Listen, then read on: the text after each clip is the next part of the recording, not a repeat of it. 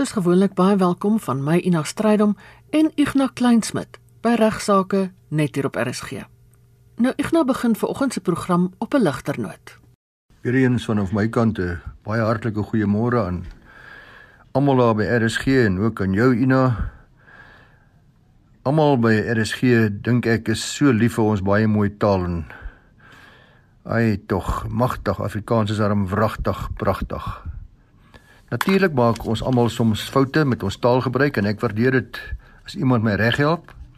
Ehm uh, op die manier kan ek my Afrikaans natuurlik ook verbeter. Ek het so 'n paar weke terug gepraat uh, Ina oor galgkos. En ek sê dit is sommer so terloops dat 'n bejaardier is die persoon wat 'n ter dood veroordeelde se vonnis voltrek. Natuurlik was ek verkeerd. 'n Bejaardier is 'n klokkespeler terwyl 'n laksman of 'n beul, B E U L, die galgwerk doen. Jammer vir daai glips. Iemand skryf my en sê ag nee, wat ek nou julle is daarom deesdae te ernstig, daarom hou so baie van die bietjie humor so nou en dan. Nou ek gaan maar vir u vertel van die man wat verskyn het in die straf of ek het dit selfs 'n bietjie aangepas by 'n storie wat ek lank terug gehoor het. Hy verskyn toe op 'n aanklag van huisbraak en diefstal van een bottel brandewyn en 'n halwe bottel ram. Uit een van die prokureurs in hierdie klein dorpie se huis. Nou een van die kollegas van die prokureur het hom natuurlik verdedig en die staatsanklaer wat ook 'n bekende is aan al die prokureurs die dorpie vra toe aan die beskuldigde of hy die klaar die prokureur dan nou ken die man by wie hy na bewering die dop gesteel het.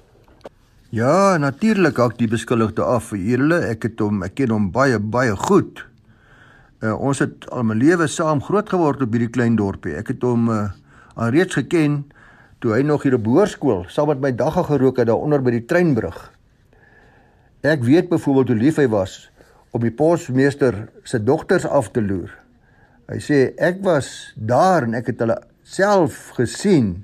Hy en hierdie einste vriend van hom wat my nou verdedig toe hulle Kalbas saam met die bankbestuurder se vrou hier onder in die rivier gaan swem het.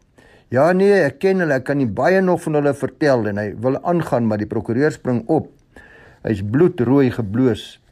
En hy sê: "Ja, jong. Jy maak nou 'n kammersig weer my se goed ken, maar jy ken my eintlik glad nie. Jy ken dan seker ook almal hier op hierdie dorp. En jy ken ook seker die staatsanklaer. Ja, ja, nee, sê die beskuldigde. Natuurlik ken ek die staatsanklaer baie baie goed. Dis einste hy wat altyd so dronk bestuur. Ek het hom al twee maande langs die pad moes help om by die huis te kom. Dis hierdie selfde staatsanklaertjie sê hy wat by sy vrou se niggie gaan kuier het. Baie keer toe sy vrou in die hospitaal was. Nou dis ook hy en voor hy kon verder gaan met sy verdere stories, toe spring die landros op en hy sê niemand praat verder nie. Uh meneer die staatsanklaer, meneer die prokureur kom sien my asseblief weer by die bank. Die twee is toe vorentoe na die bank toe en hy leun sy oor en hy sê vir hulle laat een van julle twee donders om nou net vra of hy my ook ken. Dan vonnis ek julle albei tot gevangenisstraf. Nou sê die spreekwoord aan jou vriende sal jy geken word. Nou ja, op 'n ernstiger noot. Hoe beïnvloed kontrakte en ooreenkomste wat vroeër bereik is die bepalinge van 'n testament? Leon Taljaard vra vir my met sy brief die insolventie klousule vir hom stuur wat hy in sy testament wil invoeg wat ek gedoen het. Hy sê soos baie ander luisteraars het die program baie geniet. En dan vra hy 'n interessante vraag. Hy sê watter kontrak dra die meeste krag? My huweliksvoorwaarde kontrak of die samewerkingsooreenkoms tussen my en my vriendin byvoorbeeld of 'n koop en verkoop kontrak tussen twee mense, so byvoorbeeld direkteure of 'n testament of dan om dit interessant te maak 'n skikkingsooreenkoms. Hy sê gestel daar's nou 'n teenstrydigheid tussen van hierdie verskillende kontrakte of moontlik tussen almal verband met aandele wat ek 'n maatskappy besit op watter kontrak sal die regstelsel dan steun of op watter een sal hulle werk? Leon ek het die vraag vir 'n deskundige op hierdie gebied naamlik Volker Kreer by van Velden Duffy gestuur en hy was so gaaf om dit vir ons te antwoord. En hy sê alhoewel die luisteraar geen detail van die spesifieke situasie waarvoor hy antwoorde soek gee nie, raak hy mynsins sien se klompie belangrike regskwessies aan waarmee ons dikwels in praktyk te doen kry. So hy wil graag dan vir ons luisteraars 'n paar handige wenke gee verspruitend uit hierdie vraag. Die eerste belangrike beginsel om van kennis te neem is dat die oorledene se bestorwe boedel en dus sy eksekuteur as uitgangspunt gebonde is aan alle ooreenkomste wat die oorledene gedurende sy lewe gesluit het. In 'n woorde, die eksekuteur kom in die plek van die oorledene en jy's net so gebonde soos die oorledene aan sy kontrakte en ooreenkomste. Die eerste regsdokument waarna die luisteraar verwys is 'n huweliksvoorwaarde kontrak. Nou waar die oorledene wel so 'n kontrak geteken het, uh, sal hy natuurlik buite gemeenskap vir goed getroud wees en waar 'n mens geen so kontrak teken vir huweliksluiting nie, is 'n mens natuurlik outomaties binne gemeenskap van, van goed getroud. Die huweliksvoorwaarde kontrak sal hom verder bevestig of die aanwasbedeling op hierdie huwelik van toepassing is of nie. En indien dit wel op huwelik van toepassing gemaak word, het dit dikwels 'n groot impak op dit wat die erfgename van die oorledene op die ou einde gaan ontvang. Die rede hiervoor is dat die aanwaseis, gevolge die HVK of die huweliksvoorwaarde kontrak, eers bepaal en uitgewerk word en afgedwing word voordat bepaal kan word wat daar aan die boedel oor is, wat die restant is vir die erfgename om te erf. Die aanwaseis kan of 'n eis ten gunste van die boedel wees of natuurlik teen die boedel, afhangende van of die oorledene se boedel alternatiefelik die langslewende se boedel meer gegroei het vanaf datum van huweliksluiting. Indien die oorledene se boedel byvoorbeeld meer gegroei het, dan sal die langslewende gade aanwas eis teen die boedel hê. Daardie eis moet dan eers gedelg word uit die boedel, net soos wat enige ander eise, soos byvoorbeeld 'n verband of ander skulde, uh enige ander eise voordat dit wat oorbly vererf kan word aan die erfgename. En waar die langslewende gade sê volker alles in gevolge die testament van oorledene erf, dan sal die aanwas eis natuurlik nog nie geen verskil maak. Sy kry in elk geval alles. In so 'n geval is daar dus geen probleem nie. Waar die langslewende egter nie alles erf nie, word dikwels uh, in praktyk en is dikwels die geval word die aanwas eis van die langslewende gade bereken en speel dit nog 'n belangrike rol.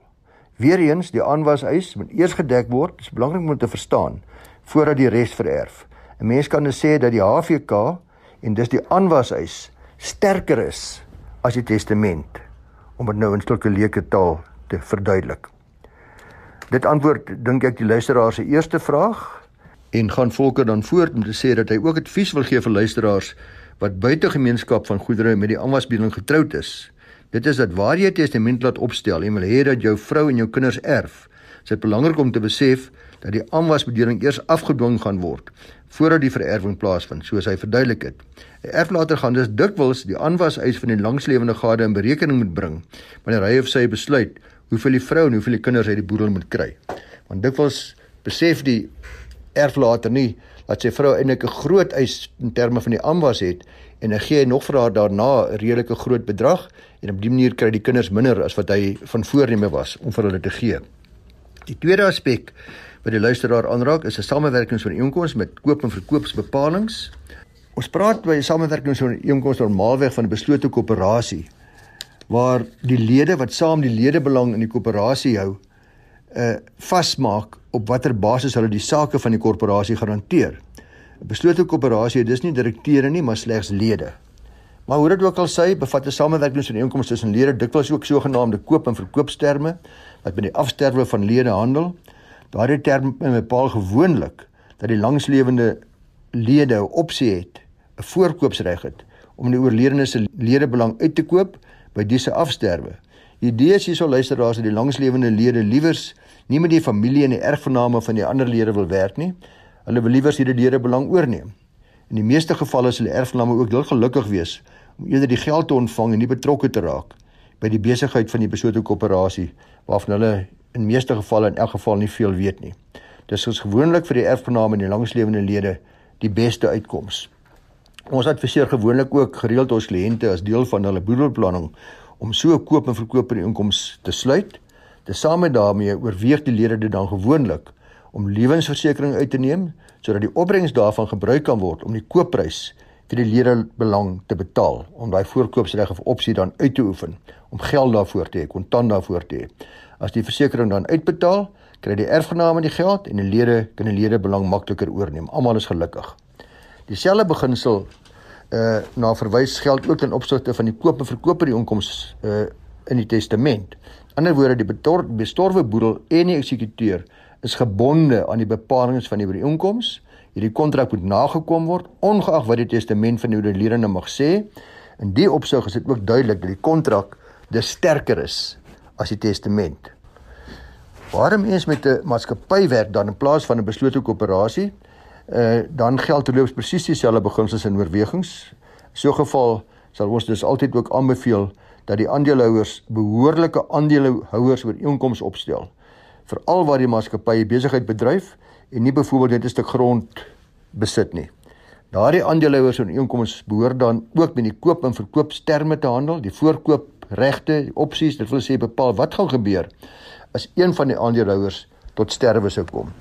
Dan laastens luisteraars verwys ons briefskrywer ook na skikkingsooreenkoms. Weereens presies dieselfde beginsels geld. In die verband of dit nou 'n eskeringooreenkoms is of 'n ander een sou wees of 'n hofbevel, die eksekuteur sal hierdie ooreenkoms moet nakom ongeag wat die testament van die oorledene bepaal. Nou as ons hier as eh, ek en volke die luisteraar reg verstaan, wil hy ook weet wat gebeur as daar 'n konflik is tussen die verskillende kontrakte. Dit raak natuurlik 'n bietjie ingewikkelder en dis 'n uh, sal 'n mens dan moet kyk na enige botsende bepalinge en net besef watter een en die ander een gaan troef. In 'n tipiese scenario waar daar egter 'n huwelikskontrak is, 'n samewerkingsooreenkoms, 'n testament, 'n skikkingsooreenkoms, behoort daar nie botsende bepalinge te wees nie en is die vraag maar 'n bietjie akademies van aard. Maar baie belangrik, ek sluit altyd hierdie sake oor boedel beplanning af deur te sê asseblief kry advies van jou prokureur voordat jy trou voordat jy 'n samewerkingsooreenkoms opstel, voordat jy aandeelhouers vir ooreenkoms opstel in 'n maatskappy, voordat jy 'n testament teken, al kos dit jou so paar rand, voorsorg is werklik baie beter en baie goedkoper as nasorg. Dankie Volker. Om die eerste deel van die program af te sluit, bespreek ek na 'n hofsaak van 'n koper wat die volledige koopsom van 'n voertuig teruggeëis het nadat hy bevind het dat die betrokke voertuig nie in die toestand was wat hy gedink het dit is toe hy dit gekoop het nie. Ek loop 'n baie interessante hofsaak raak wat handel luisteraars met die plig van 'n koper om natuurlik iets terug te besorg in dieselfde toestand as wat dit as wat dit ontvang het as hy die kontrak wou kanselleer en geregtig is om die kontrak te kanselleer. Dit was in 'n saak van van der Boon en O versus Morotsani onlangse saak in die Oos-Kaap 2021 en uh, dit was 'n appel teen 'n beslissing van die streekshof in Bloemfontein waar die eis van die respondent suksesvol was om 'n koperinkomste te kanselleer en die appellante beveel was om 380 388000 rand terug te betaal onderhewig daaraan dat die voertuig wat gekoop was, die Isuzu KB 200 LX uh, dubbelkajuit terugbesorg moes word. Nou wat gebeur het is hierdie in 2014, hierdie saak is nou maar eers beslis in 2021 uh, 25 November 2014 het uh, die appellante Isuzu KB 300 LX dubbelkajuit model aan die respondent verkoop. Dit was 'n mondingsooreenkoms. Dit was die koopprys van 388000 rand. Dit was 'n nuwe voertuig wat minder as 6000 km op die kilometerlesing gehad het en dieselfde middag na ontvangs van die voertuig En hier kan baie luisteraars nou maar oor 'n spits wat dit gebeur male sonder tal. Dit is ontdek, ontdek dat alles nie klop dusselboom is nie. Die bakwerk het gelek. 'n Paar kilometer later het die voertuig begin krag verloor. 'n Snaakse geluid gemaak en 'n rookwolk het agter uitgeborrel. Die voertuig is toegeneem na 'n erkende Imperial General Motors handelaar. Hy, die handelaar het verskeie gebreke, defekte ontdek. Dit was duidelik dat hierdie motorvoertuig alhoewel hy as feitelik nie verkoop was en 'n ernstige ongeluk betrokke was en herstel was deur 'n anonieme onbekende paneelklopper wat natuurlik die waarborg en diensplan dadelik ongeldig gemaak het en dit was ook nooit aan die koper bekend gemaak nie. Toe die uh, koper bewus daarvan geraak het van al hierdie defekte, het hy dit dadelik onder die aandag van die verkopers gebring en hy het gesê ek wil kanselleer, ek gee terug. Hulle het ten sterkste geweier en beslis geweier en uh hy het gepoog weer om die voertuig terug te gee, maar wou niks daarvan weet nie en uiteindelik was hy dus eintlik vrywillig verplig om die voertuig in sy besit te hou.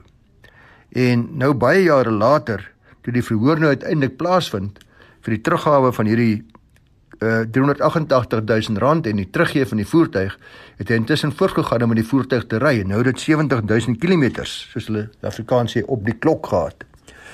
Die vraag vir die hof wat dus beantwoord moes word is of die hof waardevermindering in ag moes neem met die tydperk terwyl die voertuig in die koper se besit was want uh, in 'n aktiewe redebitoria aksie luisteraars moet die gebreke so ernstig van aard wees dat 'n koper nie die produk sou gekoop het indien hy daarvan bewus was deur die inkomste aangegaan het nie. In hierdie geval het die hof beslis dit was beslis so. Uh dit was ook deur die hof van eerste instansie korrek beweeg. Aan die einde van die dag moet die hof tevrede wees dat 'n redelike man in hierdie omstandighede en dink u almal stem saam waar ek net 'n keer ry nou lekker bakwerk en die kar is deur vreemde mense herstel en hy was in 'n ongeluk ensovoorts is dit ernstig genoeg om te sê ek mag teruggee en my geld terughuis ten volle. Uh die kwessie van watervermindering was in hierdie geval nooit gepleit nie.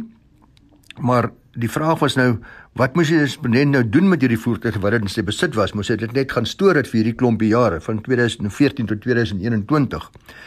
Dis duidelik sê die hof dat die respondent die hele tyd die voertuig wou terugbesorg. Dit was deurentyd geweier deur die uh, verkopers. Die hof sê dit sal nie regverdig en billik gewees het om te verwag dat in sulke omstandighede hierdie persoon, die koper, die motor in sy motorhuis sou parkeer, dat hy elke jaar maar net lisensiegeld betaal, versekerings betaal, paemente betaal en te verseker dat dit geen skade ly nie, terwyl hierdie lang eindelose uitgerekte hofprosesse aan die gang was. Uh die kwessie van watervermindering soos ek sê was ongelukkig nie gepleit nie, sê die hof het nie hieroor 'n beslissing gemaak nie. Ek sou graag wou weet wat dit sou wees. Uh want dit was nie die saak van uh, die verkopers voor die streekhof nie. Maar belangrik is die verkoper se appel word van die hand gewys met koste wat beteken in effek dat alhoewel hierdie koper die voertuig vir 'n hele klompie jare gery het, hy die voertuig nou kan teruggee aan die handelaar en sy volle 388000 rand moet terugbetaal word. Ek weet nie uh, hoe u voel oor die billikheid hiervan nie. Ek weet nie wat almal se billikheidsgevoel of regsaanvoeling gaan bevredig nie. En hopelik is hier 'n appel aangeteken. Uh en sou ek graag wou weet en sal graag 'n hofsaak wou kry waar daar ook gekyk word na die waardevermindering oor hierdie tydperk of dit nie in berekening gebring behoort te word nie. Ek gaan bespreek nou 'n appelsaak oor moslemhuwelike en bepalinge van die bestaande wetgewing oor huwelike en egskeiding wat strydig is met die grondwet. Ek dink al ons moslem luisteraars moet maar baie mooi luister en ek weet daar's regtig baie van ons luisteraars wat 'n uh, eh, moslemhuwelike aangegaan het en uh moslemhuwelike was nie altyd erken in Suid-Afrika as 'n wettige huwelik nie. Dit was bevestig deur verskeie sake, ek gaan maar net ook vir my kollegas wat luister verwys na die twee belangrikste sake. Die een was Ismail versus Ismail in 1983, 1 SA 1006 Appelhof en Kader versus Kader in 1972 saak SA 203 RA. Nou wat beteken dit? Beteken dat waar gade skei of tot sterwe kom, dat die oorblywende gade dan nie geag word as getrou te wees nie. Uh intestate erfopvolging sal sal geld. Uh, die wet op egskeiding is nie van toepassing nie. Ook so word kinders waar die moslimouers skei nie geag onder die wet op onderhoud geregtig te wees op onderhoud nie. So as 'n hele klomp traumatiese, dramatiese, baie keer billik, baie keer onbillike gevolge as gevolg van die feit dat hierdie huwelike nie deur ons reg in Suid-Afrika erken is vir baie baie jare nie. Voor ons grondwet in werking getree het, was die siening in ons howe dat moslimhuwelike moontlik poligam kan wees. En dis ook kontra bonus mores teen die gemeenskapssedes. Daar is sake, baie meer as een, waar die moslim vrouens en kinders se regte en die onregmatigheid wat hulle deurgemaak het as gevolg van ons wetgewing in Suid-Afrika en die ontkenning van die huwelik as geldig wel aangehoor is en ek uh, gaan maar net na die een belangrike een verwys en dit is 'n uh, eh, Daniel versus Campbell en Owen Anderson in 2004 SA 331 maar in 2018 luisteraars is die Women's Legal Center Trust WLCT saak teen die president van die Republiek van Suid-Afrika en ander aangehoor.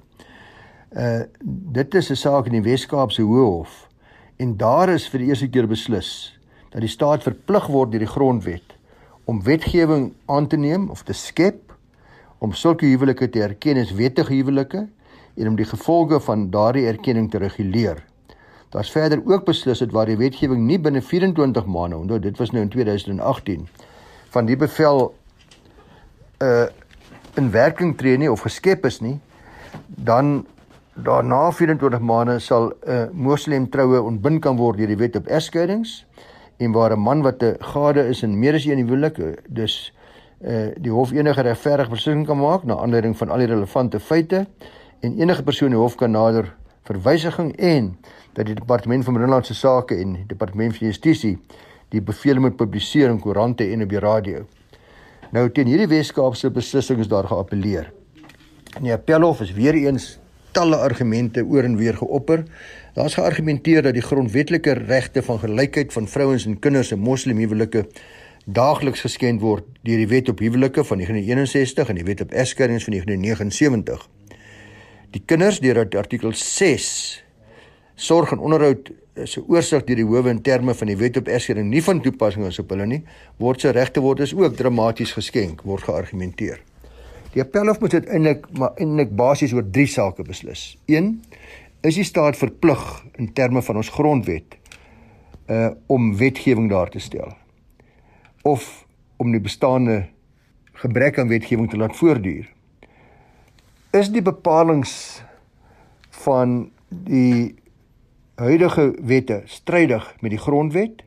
En derdens het die interim bepalinge, die 2018 bepalinge terugwerkende krag. Om die eerste vraag te beantwoord, naamlik of die staat verplig is terme van ons grondwet uh om die wetgewing uit te voer, het die Suid-Afrikaanse Menseregte Kommissie geargumenteer dat die staat wel gebonde is deurdat die staat onder andere ook 'n party is aan 'n hele paar internasionale konvensies, instrumente, soos byvoorbeeld die Verenigde Nasies se konvensie vir die skrapping van alle forme van diskriminasie teen vroue wat ek al voorheen met u bespreek het.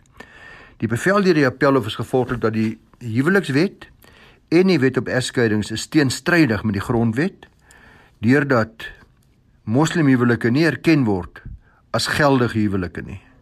Artikel 6 van die wet op egskeidings is ook teenstrydig met die grondwet deurdat kinders uit hierdie huwelike nie dieselfde beskerming geniet nie. Artikel 7 se artikel 3 van die Wet op Egskeidings is teenstrydig met die grondwet aangesien dit die herverdeling van bates uh in geval van moslimhuwelike voor sekere datums uh nie hieronder val nie en dis diskrimineer teen daardie huwelikspartye.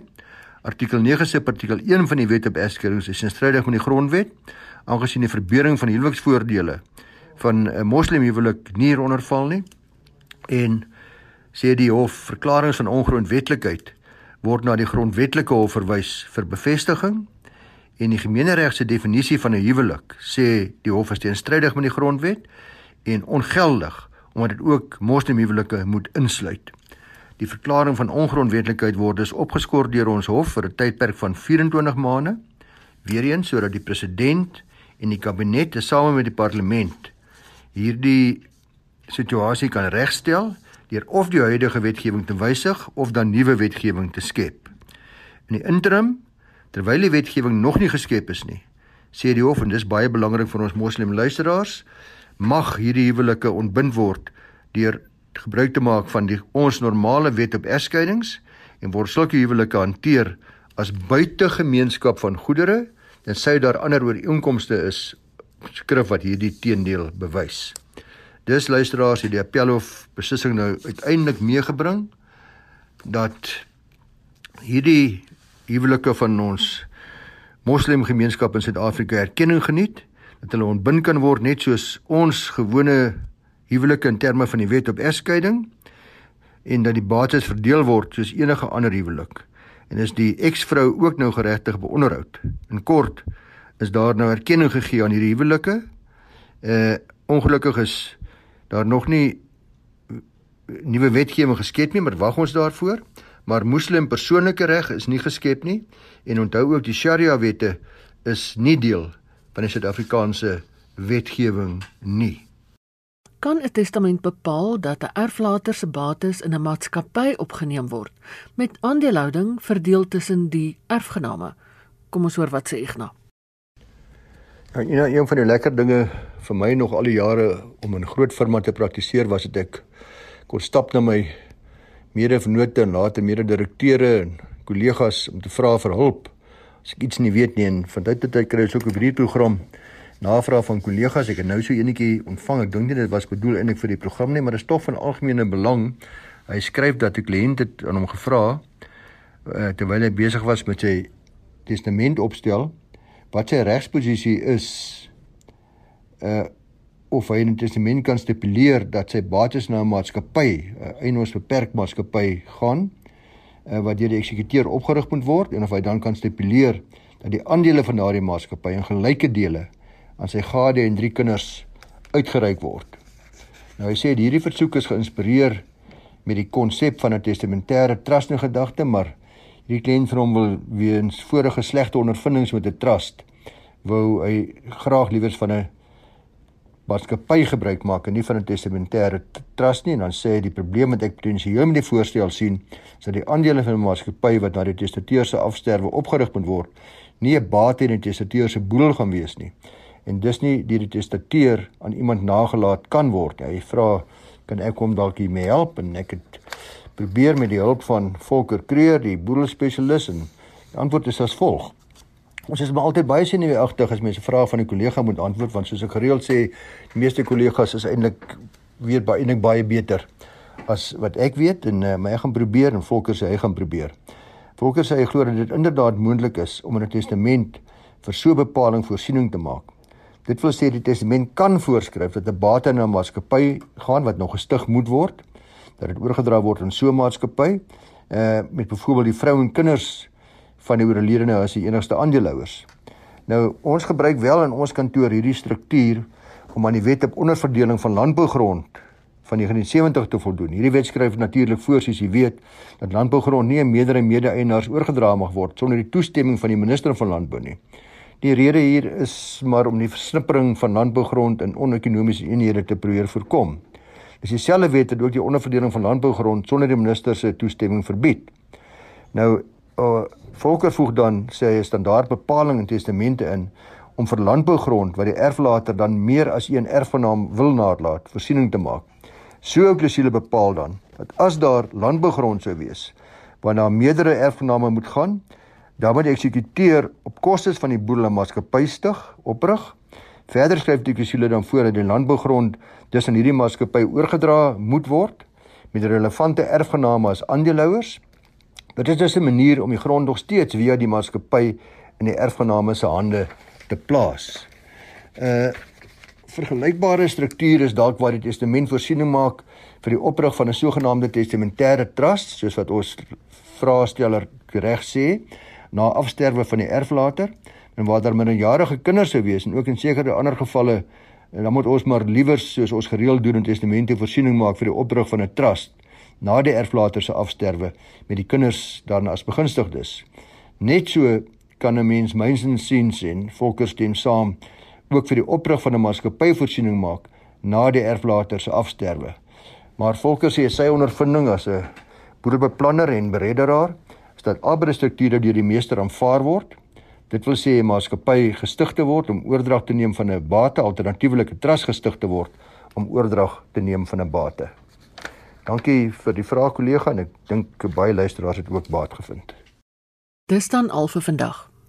Dankie ook aan die Prokureursorde van Suid-Afrika wat regsaake vir ons moontlik maak. Van my Ina Strydom en Ignas Kleinsmid groete tot volgende week.